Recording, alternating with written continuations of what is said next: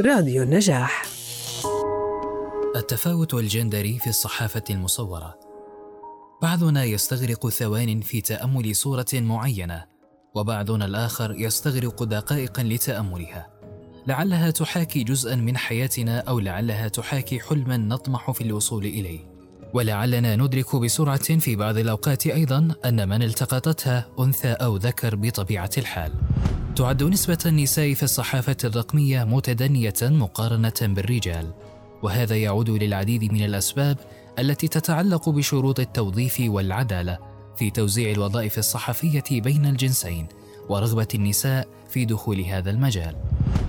كلما كان هنالك تنوع أكبر في توزيع الوظائف بين الرجل والمرأة، كلما لاحظنا وجود تنوع أكبر وأفضل في مخرجات الصحافة، وهذا ما يحتاجه جمهور المشاهدين بشدة.